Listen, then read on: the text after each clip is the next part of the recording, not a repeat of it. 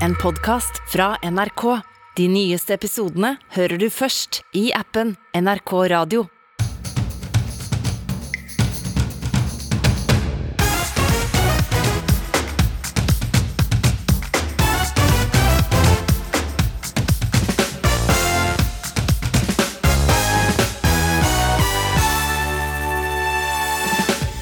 Ødeleggelsene er store etter den voldsomme flommen på Vestlandet.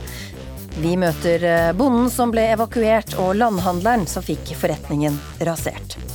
Kongen lo og sa at eh, amerikanere ikke skjønner bæret av et eh, kongedømme. Amerikanere tror kongelige bare er som kjendiser, forklarer amerikanske Kari Nixon.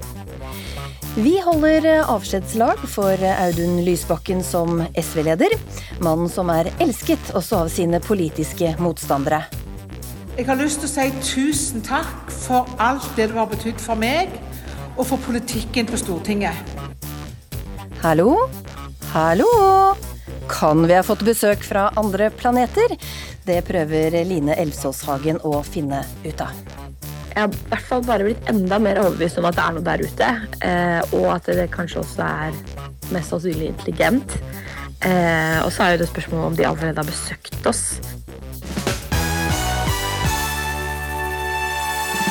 Regnvannet flommet ned over Vestlandet i går, og nå er ødeleggelsene enorme. Veier er stengt, kjellere oversvømt og matjord er vaska bort. Heldigvis er flomtoppen nådd, men vannføringa er vel fortsatt stor der du befinner deg nå, reporter Sjur Mikael Dolve. Ja, jeg står midt på vannet igjen på Voss eh, på sida av Park hotell her. og det, Vi ser at vannsvannet er mye høyere enn hva det pleier å gå. Men som du sier, så har, eh, har flaumen gått litt ned. Oppe på parkeringsplassen som jeg står på her, så ligger det ei remse med pas og pinner og, og, og litt trestokker og sånn. Så vi ser da at flaumen har nok vært ja, iallfall en meter høyere enn, enn hva den er nå, da. Hva er de største utfordringene nå, vil du si? De største utfordringene er nok å få sånn, i det korte løp, så er det nok å få rydda opp eh, i alt vannet som er rundt omkring. Eh, I Kulturhuset, i hotellet jeg står ut forbi, borte på disse fotballbanene, i kjedlerne til veldig veldig mange. Og eh, både her og eh, andre plasser på Voss, altså på Evanger og eh, Skulestadmo, så er det, er det, veldig mye vann. I det lengre løp så eh, vet vi jo at eh, Voss er litt flaumutsatt. Det var jo en veldig stor flaum her i 2014. Eh, så eh, jeg snakket med ordføreren før i dag, og eh, han var vel klar på at det er vanskelig å gjøre noe enkelt som har stor effekt, men at noe etter hvert må, må gjøres. Mm. Men kan folk bevege seg som normalt nå, eller hvor begrensa er det? Ja, det er egentlig det er ikke så mye som er stengt. Eh, sånn sett. Det er noen veier her og der der de pumper vann og det ligger ledninger over og sånt. Men eh, ellers så kan nok eh, den jevne vossing bevege seg mer eller mindre som normalt. Takk skal du ha, Sjur Mikael Dolve. Vi har også med oss Hans Olav Vassenden. Du er bonde i Evanger rett ved Voss, og du er altså en av dem som måtte evakueres bort fra flommen i går. Kom hjem til gården din i dag. Hvordan ser det ut hos deg nå? Nei, her er det mye eh, jord som ligger på bakkene. Mye røtter. Eh, mye eh, ja, kvist og alt eh, sånt. Så det er eh, gjerder som er revet ned. Det er en enorm jobb egentlig for å få rydda opp i dette her. Dere ble evakuert eh, fra gården i går, Kjell Olav Vassen. Hva var det som eh, gjorde det nødvendig? Ja, vi hadde, da Elva rann eh, jo rundt huset vårt. Og det var en halvmeter, meter rundt. Og vi ble tilrådet å evakuere etter en tok kontakt med redning. Og du har sauer som måtte bli igjen. Hvordan føltes det? Jo da, de eh, klarte seg helt fint. Så de, eh, der var det ikke noe, eh, noe problem med dem. De fikk mat for at de, de Før vi ble evakuerte. Så du, du, du er letta nå, da, at det gikk bra? Ja da, det er jeg. Det er jeg. Ja. Hm. ja. Men hva er det du må rydde opp i nå, da? Det er jo å rydde, rydde bakkene for, for kvist. Og, og her er sikkert en 14 dager, tre ukers ryddejobb. Ja. Du må ha lykke til med, med den, den, jobben. Vi har også med oss Monica Bjørsvik. Du driver landhandel i Evanger. Hvordan er det hos deg nå? Ja, hos meg er det ille. Virkelig ille. Vi, vi var jo råka av den flommen i, i, 2014. Da hadde vi hatt butikken åpen i tre uker og fikk flommen inn da. og Da var det en ca. 40 cm opp til veggen. Nå har, nå har vi hatt vann opp til ca. 60 cm opp til veggen. Så nå har strømmen gått i butikken og kortslutta alle kjølere, frysere. Vi har ikke strøm. Er, her er frysebokser som vi har eh, frosne grønnsaker og, og, andre ting i, som er over 100 kilo, som har seilet gjennom butikken. Oi. Det har ikke stått i ro, det har seilet og det har veltet. Så her er det fullstendig kaotisk. Ja, det må ha vært Så dette er trist. Ja, det må ha vært litt av et syn å, å møte. Er det nå fare for at butikken må stenges, eller eh, tror du du får den på fot igjen? Ja, altså I dag er jo ikke det mulig å, å, ha butikk, for i dag har jo ikke vi Ja, i dag ja, det er det kaos, men, mm. men, men, du klart at vi er butikken for distriktet. Det er 20 minutter ene eller andre veien for å komme til nærmeste butikk. Så det er jo viktig for Evanger som bygd å ha butikken, så vi må jo få åpne den. Mm. Men hvordan og når altså, Vi er jo optimistiske, og vi har jo en bygd bak oss. Eh, veldig mange gode hjelpere i går for å prøve å evakuere lite grann og prøve å få opp eh, og reddet en del av varene som sto på nederste hylle. Mm. Så her var veldig mange og brettet opp ermet og, og, kom og hjalp. og Vi la på Facebook, eh, og det var mye folk som kom og hjalp oss å få opp i høyden. da. Ja, det er jo godt å ha mange bak seg når noe, noe sånt skjer. Ble dere veldig overrasket av flommen i går? Ja, altså vi Overrasket og overrasket det er jo ikke altså Det er jo hver høst vi går med hjertet i halsen og lurer på om vi får vann inn eller ikke får vann inn. Men i går skjønte vi det når det begynte å krype oppover eh, over parkeringsplassen. Så skjønte vi at dette gikk feil vei. Så ca. i sekstiden da begynte det å komme inn eh, i, butikken, og, og siden har det steget. da. Mm. Heldigvis nå så ser vi at det har trukket seg godt tilbake, så det er ikke veldig mye vann i, i, i butikken. Men når ikke vi har strøm og, og matvarene trenger kjøling og, og frys, så er det, er det, ikke så lett å si hvordan og hva, hvor kjapt nødvendigvis vi kan komme på, på banen igjen. Da. Vi må bare ønske lykke til med den eh, store jobben, Monica Bjørsvik. Tusen takk. Vi trenger all lykke vi kan få. Ja. For dette var forferdelig. Ja, det skjønner jeg. Mannen som selger medaljonger mot korona, og som omtalte seg selv som halvpart reptil, ble litt vel mye for oss nordmenn. Denne uka kom endelig kongefamilien fram til en løsning, sammen med prinsesse Märtha Louise og hennes forlovede Durek Verrett. Etter en periode med mange spørsmål knyttet til meg og min forlovedes rolle, har jeg bestemt meg for at jeg, på det nåværende tidspunkt, ikke lenger vil utføre offisielle oppgaver for kongehuset. I have, through the conversations with the family, learned a lot. I've gained a deeper understanding of the work of the royal family in Norway, and I respect their constitutional role. Amerikanerne skjønner jo ikke bæret av dette her. det gjør de ikke. Amerikanerne aner ikke hva et kongedømme er for noe. Eh, så det er ikke så rart at han ikke skjønner. At the same time, it is important for me to maintain my own integrity and to be true to myself. Han trodde han, at han kunne gjøre hva han ville uten at det gikk utover oss i det hele tatt.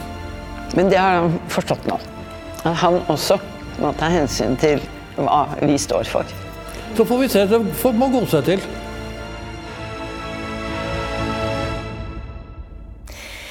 Kari Niksen, du er amerikaner, men jobber som postdoktor på NTNU. Og på TikTok prøver du å forstå og forklare kulturforskjellene mellom nordmenn og amerikanere. Kongen sa som vi hørte at eh, amerikanere ikke har peiling på kongehus. Hvordan eh, ser egentlig amerikanere på kongelige? da amerikanere tenker på kongedommer, er det litt, litt som en eventyr.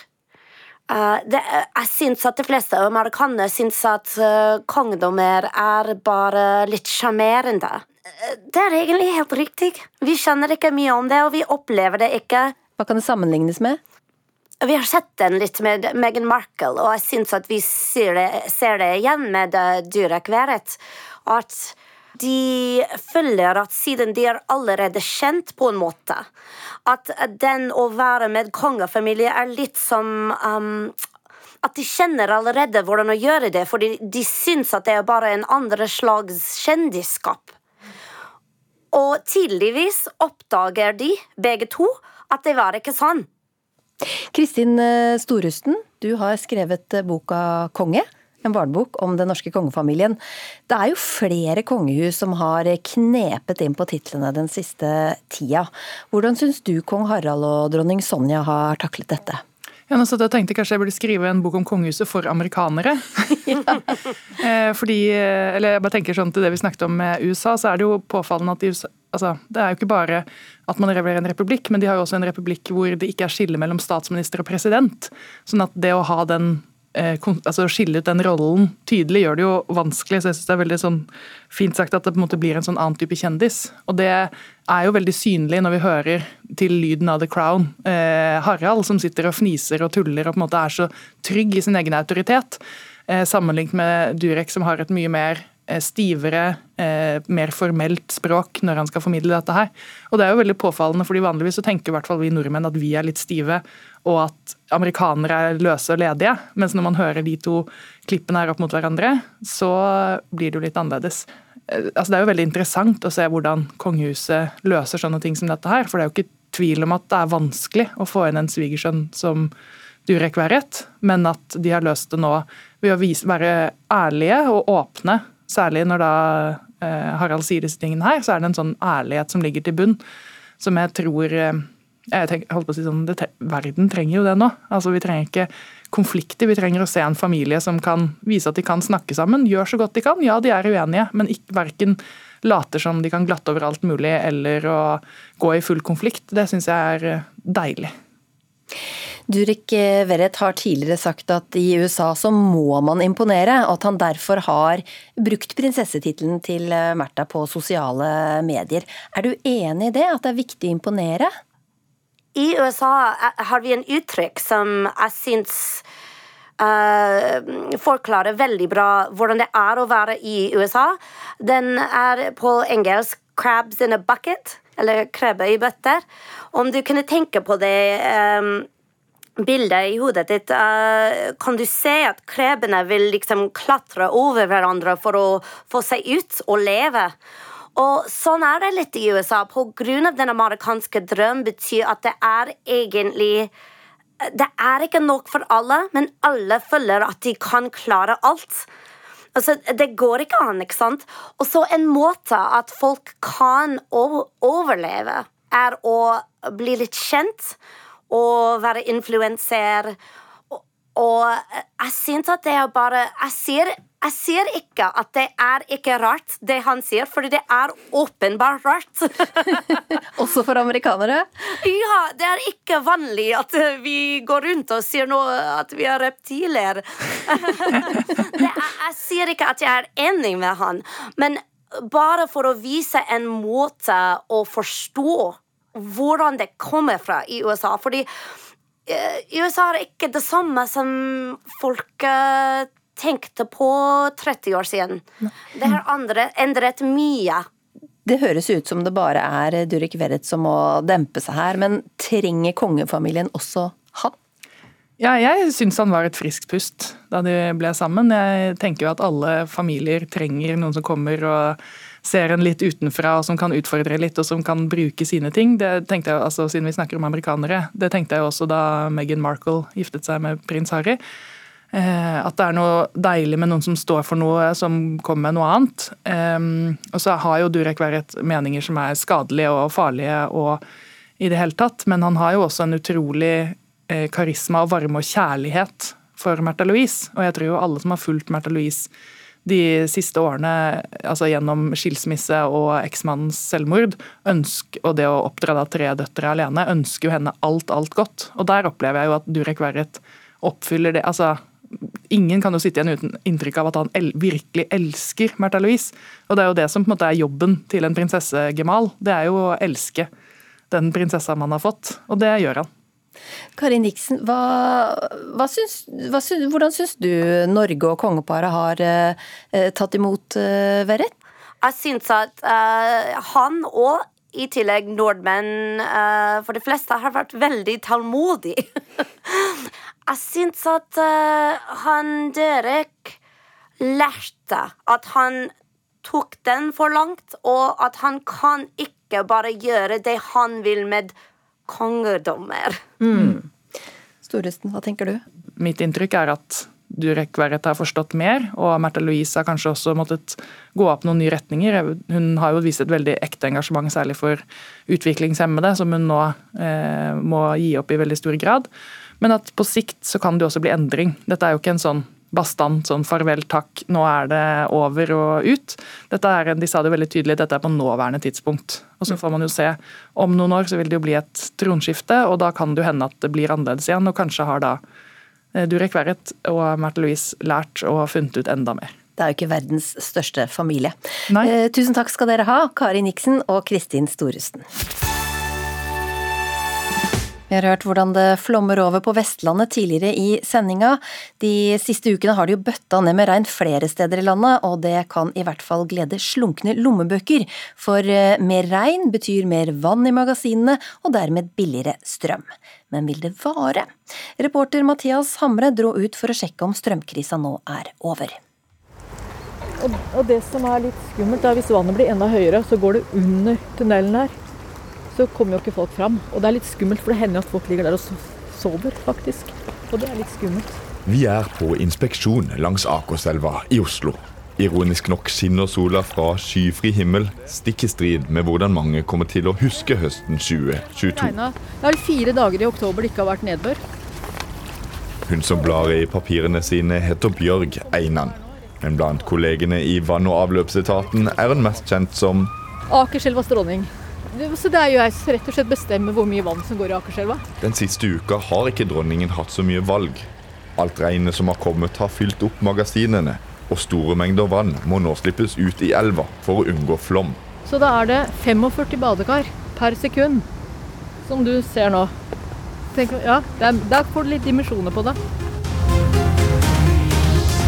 Vannstanden har ikke vært så lav på 26 år. Og NVE slår alarm etter urovekkende målinger. Tørken i Sør-Norge kan få store konsekvenser for vannforsyning, kraftproduksjon og landbruk. Tomme fontener og gule plener. Nå må alle spare vann der de kan. Ja, sånn er det. Det skifter fort.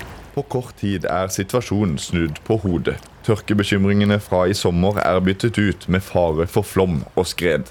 Men det betyr også at vannet er tilbake i kraftverkene. Ja, for Sørlandets del så har jeg gått fra 50% fyllingsgrad opp til et par og 70% fyllingsgrad, og det er ganske heftig helt på tampen av fyllingssesongen. Og som ikke det er nok, så har det vært mange vindepisoder der vindkraften har produsert så mye at prisen har gått loddrett ned i noen timer. Kraftanalytiker Olav Botnen i Volue Insight har nærmest spist rapporter og diagrammer til frokost, middag og kveldsmat de siste månedene. Og meldingen er klar. De gode, gamle strømprisene er tilbake.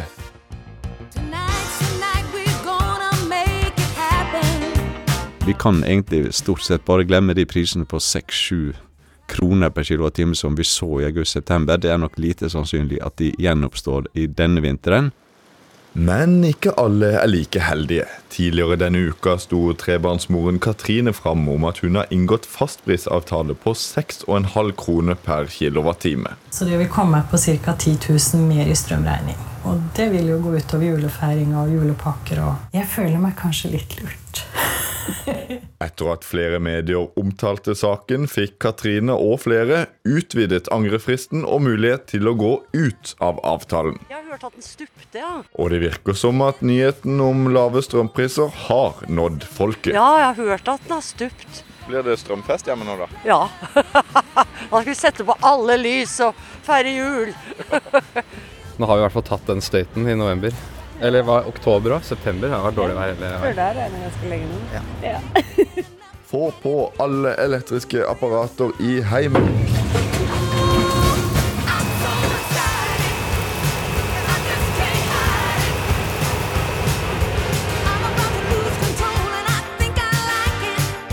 Eller Nei, det blir fortsatt litt nedskrudd og ullklær når det er litt kjølig.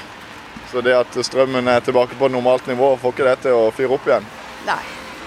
Jeg tror den kommer til å svinge mye i løpet av dette året, så vi holder oss til eh, vi har det sånn.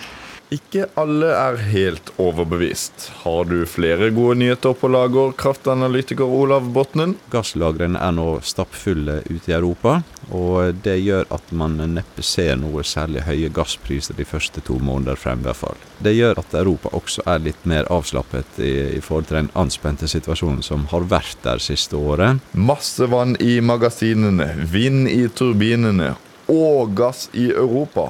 Er det rett og slett sånn at strømkrisa er over? Man kan dessverre gå på en kuldebølge ennå. Vinteren er ennå veldig ung, og vi kan få en, noen uker med kulde som gjør at vi kommer tilbake igjen til de samme høyder som vi hadde sist vinter. Helt trygge er vi altså ikke. Du, du ser nå. Ja. Tilbake i Akerselva er dronning Bjørg fremme ved en av de bråkete fossene, på jakt etter fisk. Forrige fredag da sto det fem-seks stykker. Det er mange andre som har vært her òg, da. Ja. Her står vannet høyere enn det pleier å være. Mye høyere. Det er jo my mye mer vann enn det pleier. Hvordan foretrekker du det? Sånn som dette, eller sånn som det var i sommer? Jeg er hydrolog. Jeg liker vann. Det er eh, mange som sliter med å få barn. På NRKs radioapp ligger det nå en podkastserie som handler om en av dem, Liv, som eh, prøver å få barn alene. Men det går galt gang på gang. Jeg sitter på Rikshospitalet. Liv er plutselig tilbake i den samme korridoren på sykehuset. Det er fullt her. Og på alle stolene sitter det kvinner med munnbind og store mager. Hun har vært der før. Jeg har sittet her og ventet på ultralyd. Nå sitter jeg og venter på noe helt annet. Hun begynte å blø. Mye. Liv skjønner at det ikke kommer til å gå bra denne gangen heller. Hva kan en kvinne på over 40 år gjøre dersom hun ikke har en partner og vil bli, vil bli mamma? Har hun egne egg intakt, kan hun få donorsæd i Norge.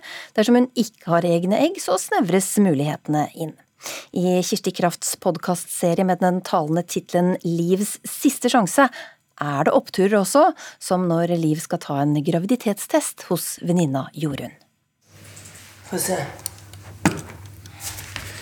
Du, det der er en stritt. Det er jo en strek! Det er dagens refreng. Det er en strek. Det er en strek. Det er en strek. Det er en strek. Det er en strek. Er en der? Det er en strek. Liv Marie Baden, velkommen eh, hit. Tusen takk.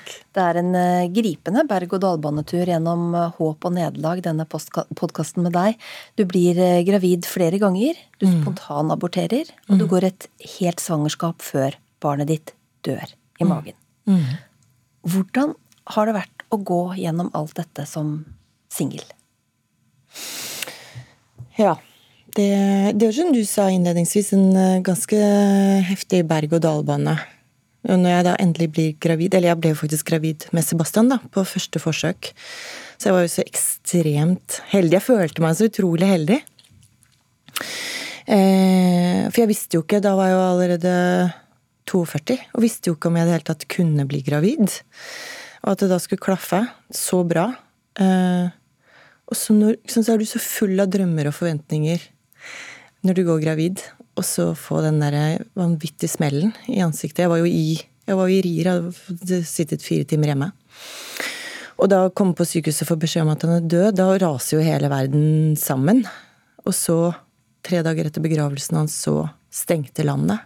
Da var det korona. Så det å være i dyp sorg og lengte da også etter et barn, ikke sant, og, og sørge over det barnet du har tapt.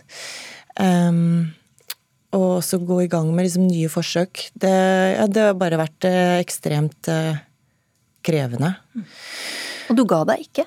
Jeg ga meg ikke. Jeg, det, det, kunne jeg ikke. Det, det, var så Det var så viktig for meg. Um, og det, sa, det høres sikkert absurd ut, men under fødselen Den tok jo da 18 timer med Sebastian. Eh, men da sa jeg på, liksom, mens alt dette pågikk, så sa jeg bare jeg har to forsøk igjen! Jeg har to forsøk igjen! Vi må sjekke kontrakten min! Da hadde jeg vært i Danmark og kjøpt en trepakk. Trepakk prøverørsforsøk. Trepakk, ja, med prøverør. Mm, IVF, da. Mm. Jeg, og jeg ønsket jo et barn så sterkt, og det, det, vet jeg også andre foreldre som har mistet, at liksom, drømmen og ønsket om et barn eh, etter at du har mistet, er veldig, veldig sterk. Det blir et slags eh, hjerteplaster, da. Når du bestemmer deg for å få barn alene, så er det jo ikke lov å få hjelp i Norge for eh, single. Du må til eh, Danmark, og til slutt så må du også til Russland mm. for å få hjelp. Altså du gir mm. deg ikke på Nei. det å få barn. Hvorfor var det så viktig for deg? Jeg tror bare at jeg Altså Jeg har på en måte bare alltid skullet bli mamma. Eh, og vet ikke om det høres rart ut, eller breialt, eller uh, vågalt. Men, men, for meg har det bare alltid vært sånn. Den, den, både lengselen, men også på en måte det naturlige i det, har alltid vært at jeg skal ha, jeg skal ha familie, jeg. Og så, så, kan man jo sikkert undre seg over at det da tok så lang tid. Men jeg har også vært frilanser, 17 år, ustabil økonomi, fikk ikke lån til bolig. Jeg følte at det var liksom u, uforsvarlig å, å, å få et barn alene eh, før liksom de derre eh, rammene var på plass, da, med egen bolig og fast jobb og sånn. Og så er du 41, da, før du Ikke sant? Før jeg da går i gang, med det. Ja. Ja. Hvorfor, så, hvorfor så seint? Hvorfor så seint? Altså, jeg tror at det bare eh, På en eller annen måte man går og venter og håper, ikke sant. Jeg ønsker, jeg ønsker fortsatt, selvfølgelig, en familie med mm, pappa og mamma i, i rollen. Eh, jeg ønsker jo ikke i utgangspunktet å være alene, men så ble, måtte det bli sånn. Og jeg tror at jeg bare har gått og håpet og ventet eh, til det lengste og tenkt at nei, nei, jeg trenger ikke å ta stilling til dette helt ennå. Og det vet jeg at det er mange som gjør. Så det må jo være min sterkeste liksom, oppfordring og oppmuntring, er jo å ikke vente så lenge. Og dersom du, kjære lytter, ikke vil vite hvordan denne podkastserien ender, så anbefaler jeg å lukke ørene. For her sitter du nå, Liv Maria, med en liten baby på fanget. Ja. Neste helg er det dåp for eh, Frida Marie. Gratulerer. Hvordan, eh, hvordan, er det å være mamma? Du, hvis du rasler, skraper litt på mikrofonen nå, så er det henne. Du, det er jo helt vidunderlig. Jeg, jeg er så takknemlig. Og øh. Åh, Det er vanskelig å snakke om uten å begynne å gråte. Jeg er bare så sykt takknemlig, rett og slett, for at eh, hun er i livet mitt. Eh, og hun våkner jo med et smil hver eneste dag. Skjønner ikke at det går an. Og hun bringer så mye glede både til familie og venner og meg. og Det er veldig fint. Det er krevende å være alenemamma, men det visste jeg jo. Eh, jeg trodde jo ikke at det skulle bli enkelt. Eh, alt må jo være fryktelig mye enklere hvis man har et par sett med hender til. Men, men jeg vet jo på en måte heller ikke noe annet. Nei, sånn men Hadde du noen kvaler over det å sette barn til verden alene? Jeg tenker at jeg, eh, jeg vil jo alltid være veldig obs på eh, at jeg må fylle to roller. Eh, og jeg kan ikke være noe pappa, men jeg kan jo sørge for at hun har gode rollemodeller, da, ikke sant? Og pappa Eller manneroller i livet sitt. Og jeg har tre brødre og masse fine venner og liksom nettverk og, og, familie som er veldig viktig for meg, og som jeg også har vært veldig tydelig med. At de spiller en rolle i livet hennes. Vi har også med oss eh, deg, forlegger Arve Juritzen. Eh, velkommen. Det er 19 år siden du ble pappa. Hva er det som venter eh, Live Marie Nei, 18 år siden, vel?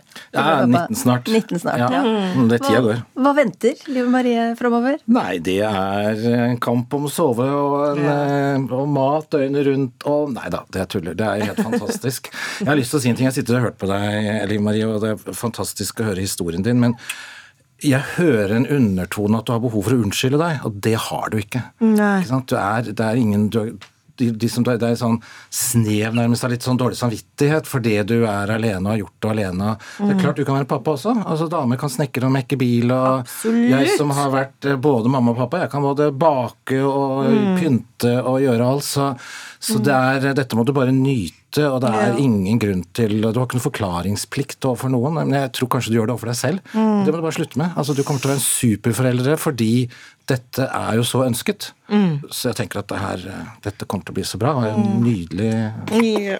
Liten frøken der. Ja, hei. Klør i gommene. Klart den gjør.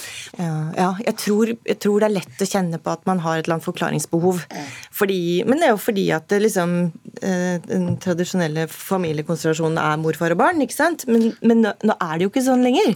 Nei, så er det Så noe med at, innmari, at, at det- de som er imot da, den hjelpen du og jeg har fått på forskjellige måter, alltid kjører dette kortet at det er ikke noe menneskerett å få barn. Mm. Og det er, er jo så helt idiotisk. Det er heller ikke noe altså det, er, det er jo mange som får barn som absolutt ikke skulle ha det, så alt dette henger jo ikke på en Mm. måte sammen. Det er Slik er naturen. Mm. Og selvfølgelig ikke noe menneskerett å få barn, men det er jo heller ikke noen grunn til å la være når man kan få det til, Mm. og har ønske om det og kjenner på denne altså Det man har inni seg, er jo behov for å være foreldre. altså Det og behov for å oppdra noen, altså for å Mm. sørge for noen. Mm. Det er jo en helt annen følelse og en, en helt annen si, drive inni seg enn for Mm. noe annet. Det er ikke noe Mm. sånn man har for kjærester eller for familie, eller noe, det er bare sånn man har for barna sine. Men Arve Juritzen, eh, du var den første mannen i norsk offentlighet som eh, dro til USA for å bli alenepappa ved hjelp av eh, to kvinner, da, en eggdonor og en surrogat. Og du har fortalt at det å velge eggdonor var noe av det vanskeligste.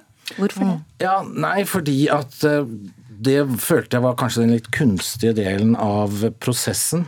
Eh, Man skulle sitte og se på noen bilder og, og lese noe om noen personer, og det er jo ikke sånn man gjør det. Og når det kom til dette med å velge eggdonoren, så tenkte jeg at jeg må bare gjøre det sånn som jeg hadde gjort i det virkelige livet. Altså at man sitter i en bar, og så kikker man seg rundt og tenker ja, hun der var jo Hun har jeg lyst til å snakke med. Så da jeg liksom fant ut at det er kanskje ikke noe vanskeligere enn det, så ble det jo fint og greit. og gikk fint, det også, men eh, ja. Kjenner du deg igjen i dette? ja, jeg syns det var veldig gøy. Jeg skulle ønske jeg kom på det, at jeg bare kunne tenke på det sånn. Ja, for du også måtte sitte og velge. Ja, så måtte mm. jo sitte og velge. Og det er en, jeg synes det er en kjempevanskelig prosess, fordi at det er jo mennesker bak disse profilene, ikke sant? Mm. Men det jeg har opplevd i alle disse som hjelper til med å få barn med som eggdonorer eller surrogater, gjør det jo fordi eh, de har en større mening med det. Altså de ønsker å hjelpe til. Eh, de, det betyr noe for de også. Mm. men som sagt, det tok meg lang tid, så jeg tenker at alle skal nok bruke litt tid på prosessen, sånn som du Mm. gjorde også. Mm. Eh, men altså, det, den ønsket om å få barn er jo det samme for alle mennesker. Ikke sant? Det er noe med det. det. Det tror jeg er gjenkjennelig, da. Uansett om du er alene eller om du er i par, og uansett hvilken legning du har. ikke sant? For meg var liksom, jeg, egentlig liker jeg snudd rundt. Jeg liker ikke å si at det er ønske om å få barn. For meg var det sånn det var ikke noe spørsmål. Mm. Altså Det bare lå i meg som person. Da, at Mm. jeg skulle ha en stor barneflokk. Sånn ble det ikke med meg heller. Mm. Eh, Men det har vært kjempefint eh, med én. Da Ja. blir det jo veldig gode bånd, og man- får komme veldig tett nær hverandre. Ja. Så bare gled deg. Men hvordan tror dere livet hadde blitt uten barn? Helt greit, det også. Selvfølgelig. Det er jo ikke noe, Man går jo ikke til grunne. og det er jo, altså Barnløshet er jo forbundet mye med at folk snakker om sorg og, og de tingene. Det er klart det er der, men det er jo ikke noe problem med å ha et godt liv uten barn heller. Nei, det tror jeg. Og jeg har jo mange single venner. Noen som er i den samme liksom, vurderingen som jeg har vært. Eh, og så har jeg venner som ikke kommer til å få barn. ikke sant? Og det selvfølgelig har de rike, fine liv. I, eh, altså, det endte jo godt, eh, Liv Marie, men veien dit var vond. Hvorfor, eh, hvorfor ønsker du å dele dine mest sårbare øyeblikk med så mange i denne podkasten? Mm. Det som Jeg var fryktelig nervøs før denne skulle ut, fordi at jeg er jo veldig ærlig og åpen. på, I alle bølgedaler. Men det som har blitt ekstra tydelig for meg etter at den da har kommet ut, er jo alle, gjennom alle de tilbakemeldingene jeg har fått, hvor mye det har betydd. Jeg tror dette her er fryktelig underkommunisert. Eh, Eller det visste jeg jo egentlig fra før av, men det med barnelengsel, mammaønske, men også sorg. Eller ønske om å finne kjærligheten, eller føle seg alene, eller eh, kjenne på smerten i livet. Vi, vi lever i en verden som er i mange tilfeller fryktelig polert. Så jeg, jeg tenker at ja, her er det et innblikk i et liv med alle sine fasetter og aspekter. Og så håper jeg jo på et eller annet nivå eh, at kanskje det kan kanskje det kan bidra til at andre også våger å åpne litt opp, da. Podkasten setter i hvert fall både følelser og tanker eh, i sving. Livs siste sjanse, den kan du høre i radioappen til eh, NRK. Takk skal dere ha, Liv Marie Baden og Arve Juritzen. Vi er heldigvis fortsatt et sted i Norge hvor vi på tvers av dype politiske uenigheter, for det har vi jo, kan snakke godt sammen, fortrolig sammen, ha et uh, vennskapelig forhold.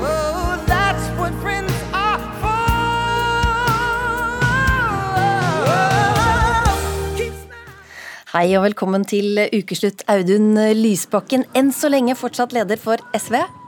Tusen takk. Ja, her hørte vi deg snakke varmt om noe av det du syns er så fint med norsk eh, politikk. Og når du nå etter elleve år som partileder har annonsert at du skal ta et steg tilbake, så er det jo flere som vil takke for innsatsen. Og du sier det har vært noen klamme omfavnelser. ja, men Da tenkte jeg først og fremst kanskje på noen, eh, noen ting fra deler av kommentariatet, men eh, aller mest har det òg vært hyggelig, altså. Og så er det jo sånn at jeg har alltid vært opptatt av at det skal være tydelige motsetninger i norsk politikk, men det er ikke en dårlig ting, selv om noen kanskje kan synes det blir litt eh, klissete at vi skryter av hverandre også. Eh, det er ikke en dårlig ting, det er en eh, god ting, tror jeg. Da får du bare stålsette deg, for her er det flere som vil si noen ord. Vi begynner med en som har beundret den unge og radikale Lysbakken, nemlig Rødt-politiker Mimir Kristiansson. Hei, Audun. Dette har jeg aldri sagt til deg før, men jeg eh, har aldri vært så starstruck som første gang jeg traff deg. Det var på en brun bule i Oslo som heter Safari. Da var du den eneste radikale sosialisten som satt på Stortinget omtrent. Og vi som var videregående skoleelever og på venstresida, vi var helt sjokkert over at du kunne stå der i levende og live eh, blant oss. Og jeg blir fortsatt eh, hver gang jeg ser deg i stortingskantina, litt starstruck. Så takk for jobben du har gjort. Ja, hvordan vil du selv beskrive deg som eh, ung og lovende? Nei, det, det var jo eh, en god beskrivelse. Det, jeg var jo radikal, men jeg eh, er jo eh, fortsatt ganske radikal. I hvert fall i økonomiske spørsmål og sånt, hvor jeg er opptatt av å få forskjellene ned. Og, så jeg og Mimir har jo mye, mye til felles ennå, vi. Men er det noe du mente for 20 år siden som du ikke lenger mener? Ja, det er det selvfølgelig, og noe annet ville jo vært veldig usunt. Altså, noe konkret? Du, ja, nei, men altså eh, det, det, det, handler jo litt om hele tilnærmingen. Jeg, jeg hadde f.eks. nok et annet syn på kompromiss og samarbeid med andre partier som jeg var mye mer skeptisk til den gangen. Eh, og det handlet kanskje litt om, eh, om nettopp det der som vi var inne på. Ja, og oi, oi, oi, sier jeg nå, for nå hører jeg at neste taler er eh, klar her. Vær så god, tidligere Frp-leder Siv Jensen. Kjære Audun. Jeg syns det er veldig rart at du nå skal gå av som partileder. Men det er en tid for alt, og jeg skjønner det veldig, veldig godt. Men du og jeg har hatt et godt forhold i veldig mange år, og på tross av politiske uenigheter så liker jeg deg skikkelig godt. Du er real, du er hyggelig, du er omtenksom, og vi har hatt veldig mye gøy sammen. Ja, Ifølge Siv Jensen så var, var, du veldig skeptisk til både henne og Frp da du først starta på Stortinget. Men eh, så dro dere på komitétur sammen og fant uh, tonen. Hva var det som egentlig skjedde der? Nei, vi, vi, det stemmer det. Vi var eh, mange steder med finanskomiteen. Vi var i Kina annet. Og da var vel Siv og jeg blant de yngste der. Så vi, iblant så stakk vi av og tok en øl, vi to. Eh, så vi fikk, eh, vi fikk, et veldig eh, godt forhold, selv om vi var uenige i nesten alt. Og det er jo På et eller annet tidspunkt får man jo bruk for det politiske òg, så vi lagde jo til og med et forsøk på å samle Stortinget pensjonspolitikken her for noen år siden, som jeg tror alle ble overrasket over. Men, men vi hadde tilliten til hverandre som gjorde at det var, var mulig. Vi skal høre litt fra da dere besøkte God morgen Norge på TV 2 for et par år tilbake, og kom inn som reneste bestevennene. Jeg så feil. Dere kom ikke hånd i hånd inn i studio. Hæ? Så langt har det ikke gått. Nei, men altså, det, Dere har kommet ganske nær hverandre. Kunne sittet nærmere, men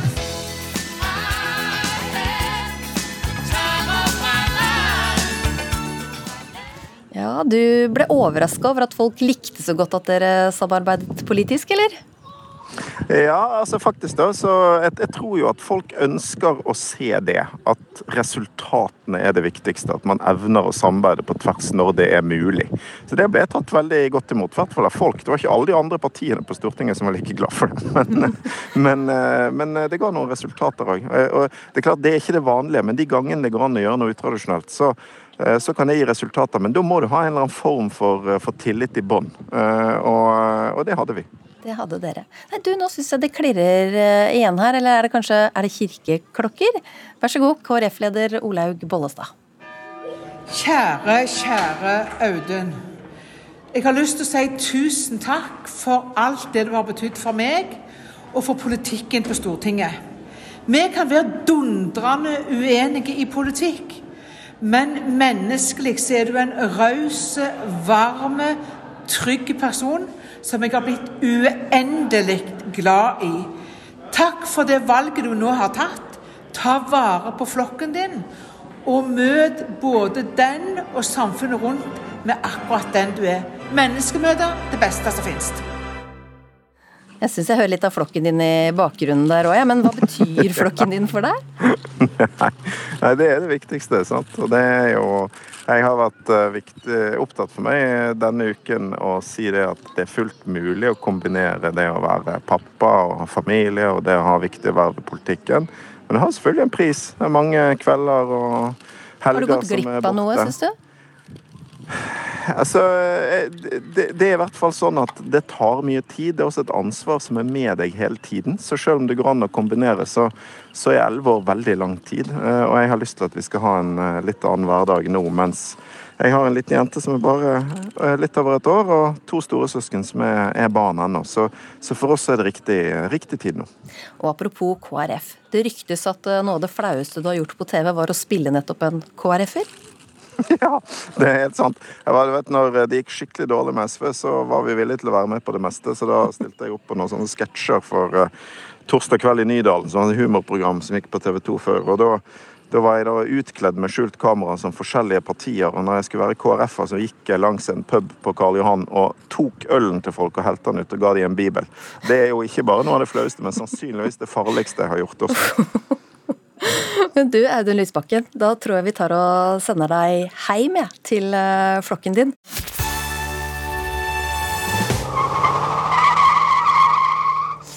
Vi skal eh, sette oss bak rattet.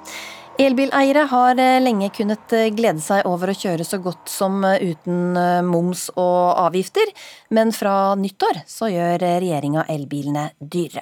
Og dette burde ikke komme som noen overraskelse, det skriver du Hilberg Ove Johansen, daglig leder i Amcar Norge, i et avisanlegg som står i flere aviser.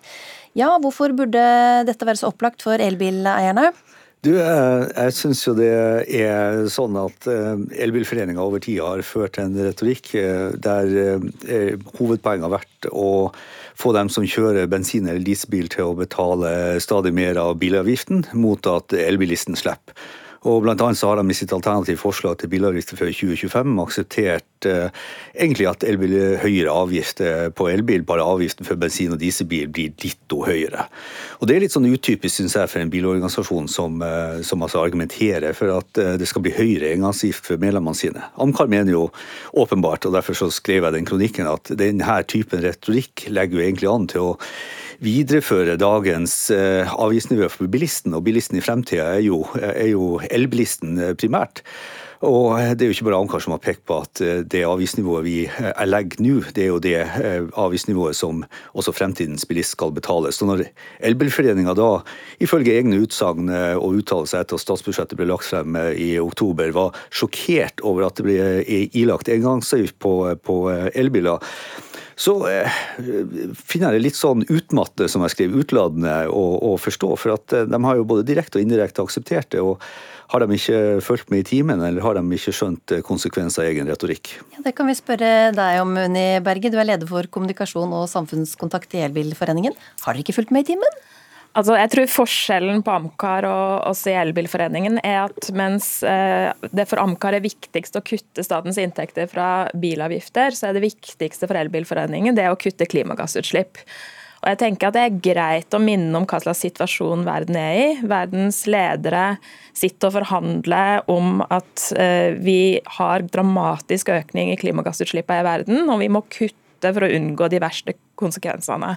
Men Da er det vel greit at elbilene også får eh, ja, på seg? og vi i Elbilforeningen har sagt at elbiler skal være med på spleiselaget til fellesskapet. Vi er ikke mot alle bilavgifter, men vi er opptatt av å sikre at vi ikke går så fort fram nå at vi ødelegger for en av de største suksessene vi har i klimapolitikken. For Det å kutte klimagassutslipp er vanskelig, men vi har noen lyspunkt og noen suksesshistorier. Og En av de suksesshistoriene er elbilpolitikken. Og Den har vi fått til i Norge fordi vi har hatt høye avgifter på nye forurensende biler, kombinert med at vi ikke har hatt avgifter på elbil. Um, og Vi skjønner det at vi kan ikke ha det sånn i all framtid at elbil skal ha momsfritak. Men nå når, bil, eh, nå når situasjonen har kommet dit at elbil er klar for å ha noe avgifter, så må vi gå sakte og forutsigbart og varsle fram. Sånn at ikke det å på en måte fase inn moms på elbil også gjør at folk slutter å kjøpe elbil. For da har vi eh, fått et tilbakeslag i klimapolitikken, eh, og det vil føre til mer forurensning i flere tiår framover. Ja, Hilberg Ove Johansen, hvorfor endre en oppskrift som har funka? Ja, Det kan du gjerne si. Vi er jo ikke uenig i at eh, norsk elbilpolitikk i, i, forhold til engangsavgiften har fungert. Men det er jo akkurat som Unni Berge sier, det er jo pga. Av, av høye engangsavgifter for dem som har kjøpt og brukt bensin- og dieselbil. Og Det er jo akkurat det vi advarer nå Elbilforeninga mot. At eh, deres eh, retorikk som hele tida har gått på skån elbilen og legge avgifter på eh, bruk og kjøp av diesel- og bensinbil, eh, så, så sitter man altså igjen med et eh, bilavgift, eh, et, et proveny som det heter i denne sammenhengen, som da skal overtas av elbilen. Og vi, eh, Nok en gang eh, så syns jeg jo det er merkelig at en bilinteresseorganisasjon som Elbilforeningen fortjener å bli kalt, faktisk ambassaderer for høyere engangsavgifter for medlemmene sine. Og Det er jo egentlig det som er hovedpoenget mitt her, selv om Unni Berge prøver å, å unndra seg det faktum at de spør etter høyere bilavgifter.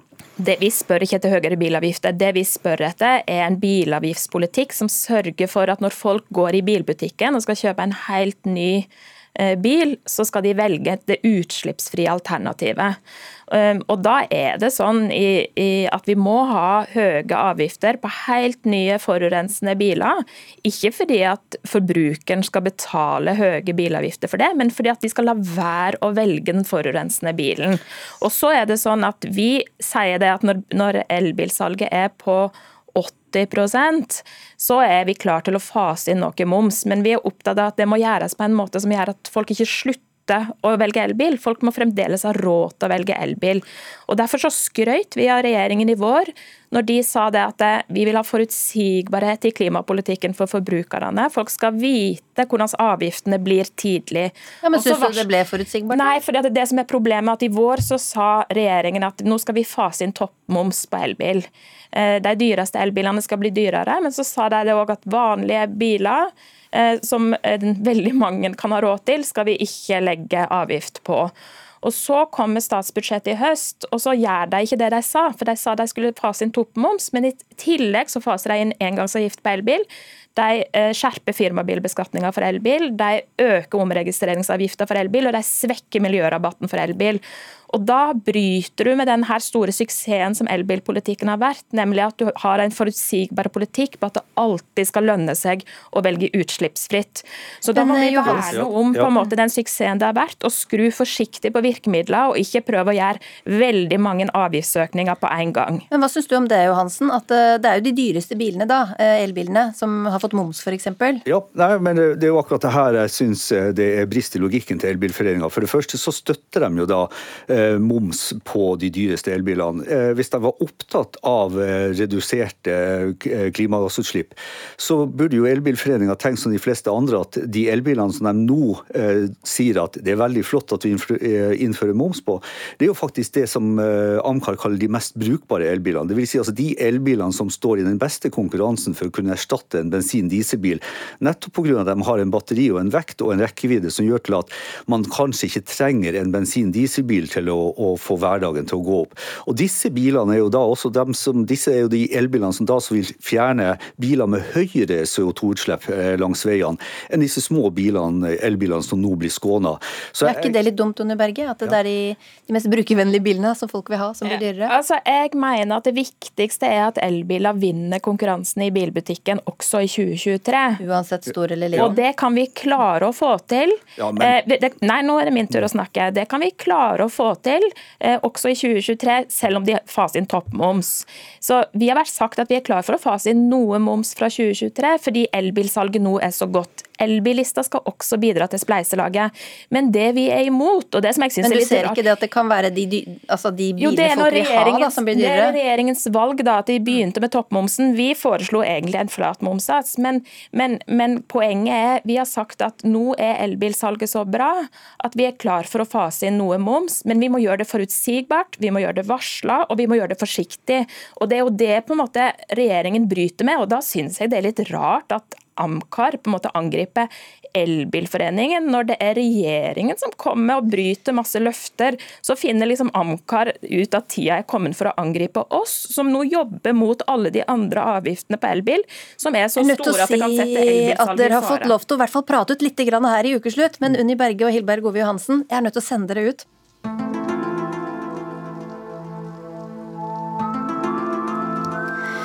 Lysglimt på himmelen, uforklarlige sirkler på åkre. Det skjer ting her på jorda som vi ennå ikke har klart å finne en forklaring på.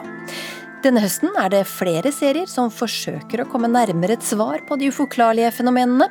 NRK-journalist Line Elvsås Hagen har rettet blikket opp mot stjernehimmelen for å få svar på det mange lurer på finnes det liv på andre planeter. Helt siden jeg var liten, så har jeg jo eh, vært eh, en av de som eh, har sett opp på himmelen. For jeg vokste opp midt på et jorde, langt ute på landet, hvor det blir bekmørkt. Og det som skjer da, er at du ser jo stjernehimmelen hver kveld. Det er journalist Line Elvsås Hagen du hører her. Eh, og så har jeg i tillegg vært en sånn science fiction-nerd og da drømt meg bort i Star Trek, Star Wars, alle de ulike fargerike planetene. Eh, i de universene hvor det på en måte er liv. Og så har jeg tenkt herregud, hva hvis, liksom? 32-åringen sitter på hjemmekontor og jobber med de siste episodene av podkasten Ukjent. Der undersøker hun mystiske og svevende observasjoner. Eller ufoer, som disse gjerne kalles. Hvem kan være der ute? Og hva hvis noen allerede har besøkt oss? And I imagine a future where we just simply have routine access to space. We are not alone. I 2017 ble det kjent at det amerikanske forsvarsdepartementet har hatt et hemmelig ufo-kontor. Og så var jeg sånn Å, herregud, er det nå det skjer? Er det nå vi endelig liksom skal få svaret? Det uforklarlige ser ut til å fenge for tiden. Enten det er ringer i åkeren, eller merkelige lysfenomener. Dette bildet er utgangspunktet for ufo-jakta vår i Hessdalen, ei fjellbygd ikke langt fra Røros. Bildet er tatt den 18. februar om kvelden, men alt i november i fjor begynte folk i Hessdalen å se uforklarlige lysfenomen på himmelen. Også på 80-tallet var de opptatt av det uforklarlige. Og mange husker kanskje Hessdalen. Stedet som ble verdenskjent for en gul, lysende kule på himmelen. Om noen kunne komme og fortelle meg hva det er som fer, og hva det er den uh, gjenstanden der inneholder, det er det vi er mest opptatt av. Ja, hallo, da kom til Jørgen. Hei, hei, det er Ida her. Velkommen, du skal ta heisen til 11. etasje. Ja, Siden vi skulle snakke om ufo i dag, så tok jeg da fram uh, gamle samlinga mi med Star Wars-effekter, romskip og figurer fra min barndom. Jørgen Tinglum Bøckmann jobber i organisasjonen Skepsis. Og da skjønner du sikkert hvordan han stiller seg til besøk fra andre planeter. Høyst skeptisk.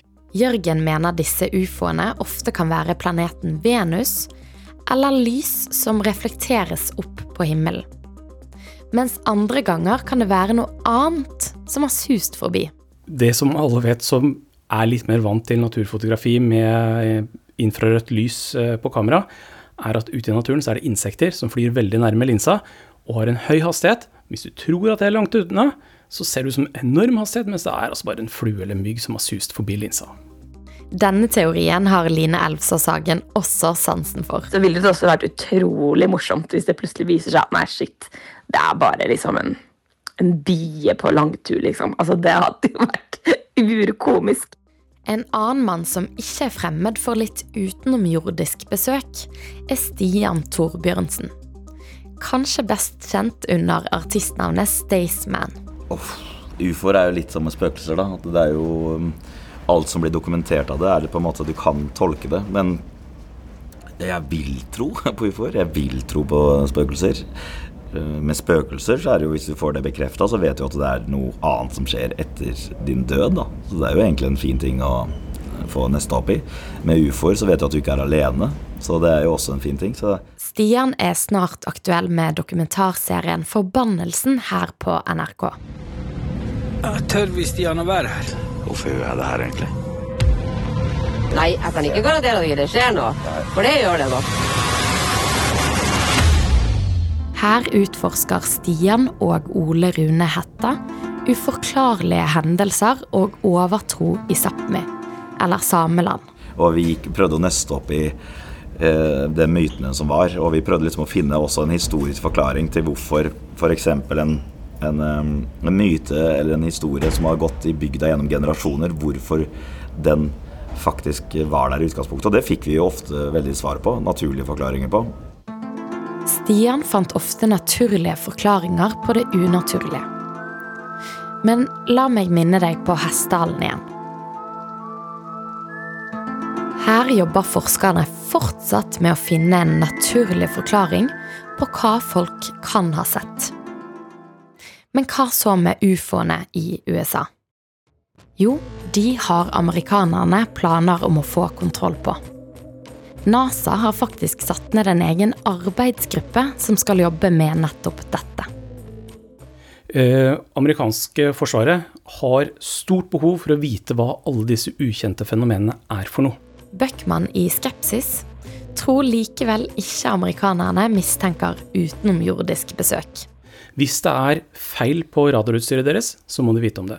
Hvis det er fremmede stater som har noen sånne romskip eller sonder som er vanskelig å oppdage, så må de vite om det. Eh, hvis det er noen av pilotene deres som driver og, og tuller til og rett og slett driver ugagn, så må de også vite om det. Line Elfsås Hagen kommer uansett til å fortsette å titte opp på stjernehimmelen og lure på hva som finnes der ute. Jeg har i hvert fall bare blitt enda mer overbevist om at det er noe der ute. Eh, og at det kanskje også er mest sannsynlig intelligent. Eh, og så er jo det spørsmålet om de allerede har besøkt oss. Og Der tror jeg jeg sier som noen av forskerne sa, at de tror kanskje 70 eh, nei, de har ikke besøkt oss, men kanskje 30% ja, vi er der kanskje.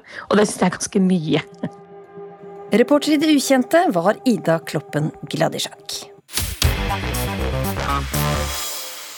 Vi skal spole tilbake til i går kveld. På Lindmo fortalte komiker og programleder Stian Blipp om depresjonen og panikkanfallet han opplevde i sommer.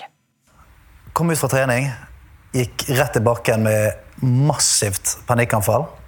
Og visste ikke helt hva det var da, så jeg trodde jeg fikk hjerteinfarkt. Så da eh, kom ambulansen snart mulig.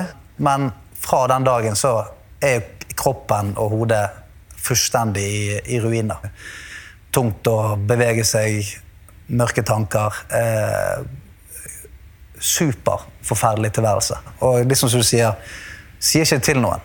For det, kanskje for min del så har det vært mye det der at eh, ja, men jeg er ikke en sånn fyr. Så eh, gjorde jeg noe som jeg er så ekstremt takknemlig for. Og det at jeg ganske raskt skjønte at nå er det et eller annet som ikke stemmer her.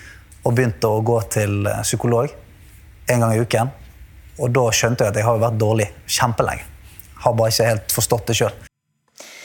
To andre småbarnspappaer ønsker også å få menn til å være mer åpne om både fysisk og psykisk helse. Nå klokka tolv la de to ut på en ferd mot hovedstaden, men hvordan de skal komme seg dit og hva de skal gjøre på veien, det er helt opp til folk som ser på. Ferden skal nemlig streames på YouTube, Facebook og Twitch, hvor folk kan fjernstyre pappaene. Og dette gjør dere sammen med Prostatakreftforeningen, Gilbert Borgen Veland og Bjørn Philip eh, Solås. Har dere fått noen gøyale eller utfordrende oppdrag ennå? Vel, vi har eh, fått eh, noen ting vi ikke kan gjennomføre, og noen enklere, heldigvis. Ja, hva er det dere ikke kan få gjøre da? å Nei, Det var jo noe om eh, så innebærer å bryte loven og bryte oss inn i et hus. Så tenkte vi det er litt vanskelig. Der går grensa. Men uh, ellers så Der går grensa. Vi kan ikke bli arrestert underveis. Da tror jeg det Da tror jeg det virker mot virkningen den her. Ja. Men har dere, har dere fått gjort noe gøy da? Vi har eh, ikke gjort noe spesielt annet enn det har vært litt, eh, litt dansing. Det er omtrent det eneste vi har gjort hittil. Og vi eh, har kommet oss ut av eh, Drammen og nede i Gullaug, heter området her. Men vi har jo også den beslutningen om å ikke bruke kart. Så vi eh, får håpe at vi kommer oss eh, riktig retning etter hvert. da. Jeg tror vi er på rett vei allerede. Jeg håper dere har god retningssant. Men si litt om hvorfor dere gjør det her. Jo, vi gjør dette her i litt den tro at eh, å la andre ta kontroll.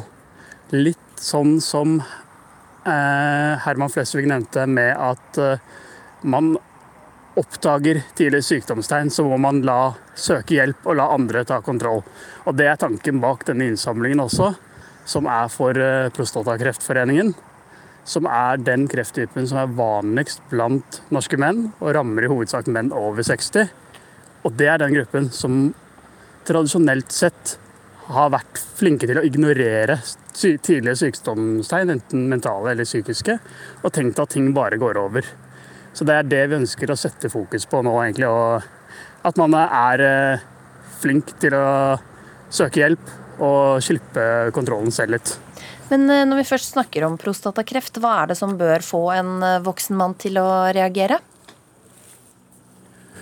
Spesielt ved prostatakreft så er det opplevelsen at noe er unormalt. Altså det problemet med vannlating, smerter eller blod i urin. Eh, alt som måtte er Alt som er unormale tegn, burde man reagere på. Det gjelder på en måte ikke eh, nødvendigvis at det er så alvorlige tegn som det. Om man føler at det er ubehag eller noe, så er det ingenting som skader, er i veien for at man tar en ekstra tur til legen og bare forsikrer seg om at alt er trygt. Og det er mye bedre det, å være tidlig ute og fange opp disse sykdomstegnene Mm. før man, går for langt og man kan få redusert livskvalitet, eller at man eh, dør som følge av at man har ventet lenge. Jeg lurer litt på den turen dere så, for dere skal gå i 24 timer. Har dere lagt inn eh, sovepause? Vi har eh, mulighet til å gjøre det, men vi har ikke eh, måttet lagt opp til at vi nødvendigvis eh, skal sove. Det kommer litt an på hvordan eh, responsen blir utover og hvilket engasjement vi har. Så vi får ta ting som det kommer. Det er litt sånn skudd i blinde, dette opplegget her. Si fort hvor folk finner dere, da. Hvor de skal se dere. Ja, for å bli med på dette her kan man søke opp eh, farsdagsinnsamlingen på YouTube eller eh, på Facebook. Eller besøke blipappa.no. Der ligger all informasjonen om hvordan man finner dette her. som kan se det på Facebook, YouTube eller Twitch. Så hvis man kan, vil følge med. Da ønsker jeg dere god tur videre. Jeg er Gilbert Borgen eh, Veland. Så får jeg håpe dere cruiser inn til en velfortjent farsdagsfeiring i morgen. Det var ukeslutt. Ansvarlig for eh, sendinga Kari Li. Teknisk ansvarlig Vegard Erstad og i studio Linn Beate Gabrielsen. Du har hørt en podkast fra NRK. De nyeste episodene hører du først i appen NRK Radio.